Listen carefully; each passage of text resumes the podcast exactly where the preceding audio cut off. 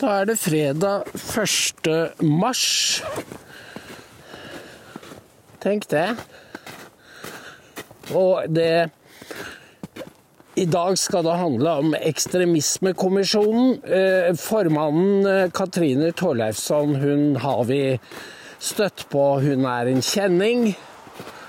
Hun jobber ved CRX-senteret. Hun er jo en ganske tilforlatelig, vennlig jente. Men altså Hvis du jobber i et miljø hvor premissene og rammene er så klare, så er det jo ikke lett å bryte dem. Det var hele Denne ble eh, nedsatt 10. juni 2022. Og altså 15 dager senere så skjedde skytingen mot London pub. Det er 17 medlemmer. De jeg kjente, var jo Sylo Taraku og Snorre Valen.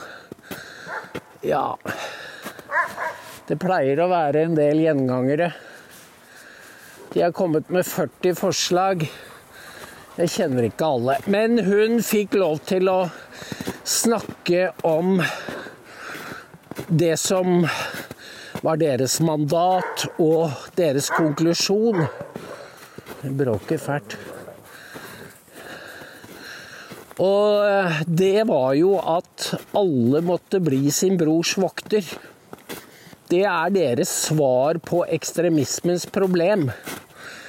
I sin innledning klokka ti så sier hun at hun deler opp i to hovedgrupper. Da. Det ene er minoriteter, og innunder det legger hun muslimer og seksuelle minoriteter. De sistnevnte er jo en minoritet, men muslimer er ikke lenger en minoritet i Norge. De er tvert imot en stor gruppe med økende innflytelse. Og så på andre siden så var det da disse tankestrømningene og ideologiene som de vil bekjempe, altså hatet og høyreekstremisme og minoriteter på den andre siden. Det var de to hovedgruppene. Og så sa hun at myndighetene må jo bruke kontroll og overvåking for å følge med på hva som skjer. Men hun forutsatte at ingen av tiltakene vil bryte med menneskerettighetene. Og da må du jo være litt bevisstløs hvis du forutsetter det som en selvfølgelighet. For de brytes jo nå på løpende bånd både i USA og Europa. Hun snakket om at ideene krysset landegrensene, og at det var i gåseøyne uautorisert bruk av nettet.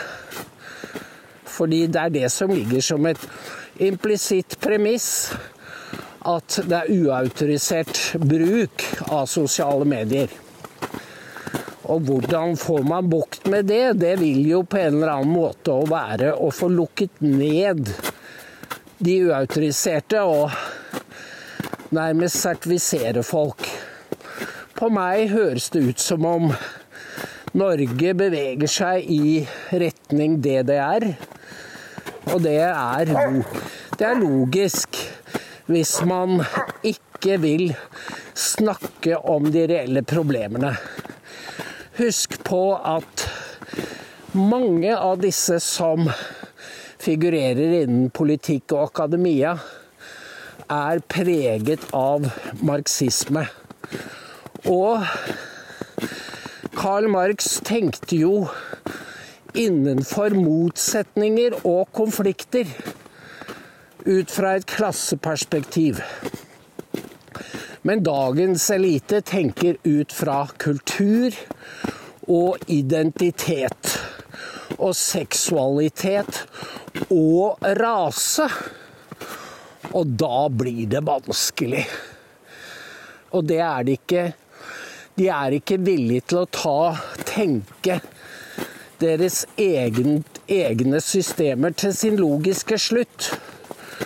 Og det er jo det Kent kommer med en kommentar klokka fire, hvor han påpeker, ganske riktig, at inntil for få år siden så var, betød antirasisme i Norge at alle var Eller at vi var forskjellige utenpå, men inni er vi like.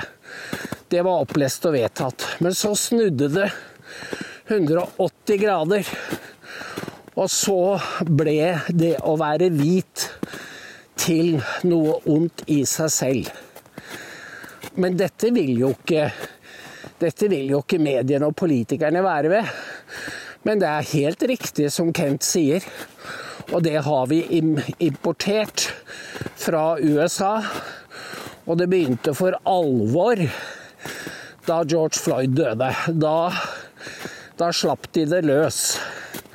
Men det hadde jo vært under oppseiling lenge.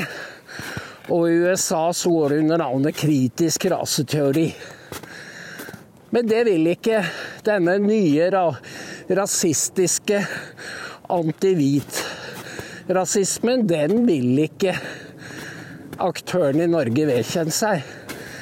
Men de kan godt bruke det som et program. Og derfor har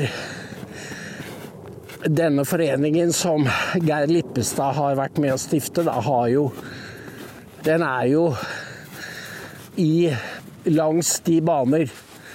Og det blir bare mer og mer av det. I Storbritannia var det jo nå forslag om egne teaterforestillinger bare for svarte. For det var så ubehagelig å ha hvite til stede. Men det ligger jo også under i Gaza-demonstrasjonene så ligger det jo forestillinger om og det brukes uttrykk som kristensionist. Det har NRK Vårt Land laget program om, eller innslag. Og kristennasjonalist snakkes det veldig mye om i USA. Ikke så mye her, for det er snart ikke konservative kristne igjen. I hvert fall ingen som vil stå frem. Men det er, det er ett ord som glimret med sitt fravær under denne fremleggelsen. Og det var ordet ytringsfrihet. Fordi i kulturkrigens hjemland USA så har man jo gått mange runder med spørsmål om skal det være grenser for ytringsfriheten. Og den sensuren som eh, den såkalte cancel culture, som ikke bare venstresiden, men big tech har innført, den har jo ført til at det konservative USA har landet på at man må stå for ytringsfrihet. Det er svaret på de motsetningene som er reelt til stede i samfunnet. Og akkurat det samme gjelder Norge.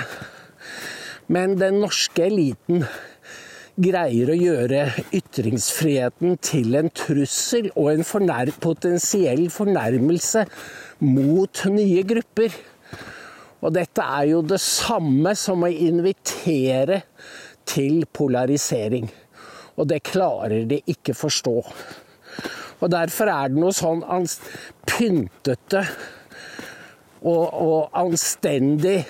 Det, er, det som har kommet igjen, er denne gamle anstendigheten til eh, Og det er ikke noe sjarmant ved den. Den er eh, Den vil så gjerne være tekkelig. Og den er altså Den er jo helt håpløs. Fordi man får noen representanter for det nye Norge og så er det den norske urbane eliten. Og de er enige om ikke å trå hverandre på tærne, og de inngår noen kompromisser, og de blir beriket. Men det har jo ikke noe særlig med virkeligheten å gjøre. Jo, og så var det det Torleifsson sa, og det, det er jo ingen tvil om hva slags arbeid dette er, at demokratiet motarbeides innenfra i Europa. Av de som egentlig har til oppgave å forsvare det, og med det mente hun selvsagt Orban. Ikke lenger Polen, for der har det vært maktskifte. Og selvfølgelig Trump. I eh, Man ser jo at Trump kan brukes i alle mulige sammenhenger. Når Barth Eide ble kritisert av SV og Rødt for å være for tafatt i forhold til Gaza, så sa han at han reagerte kraftig, for det var en trumpifisering av debatten.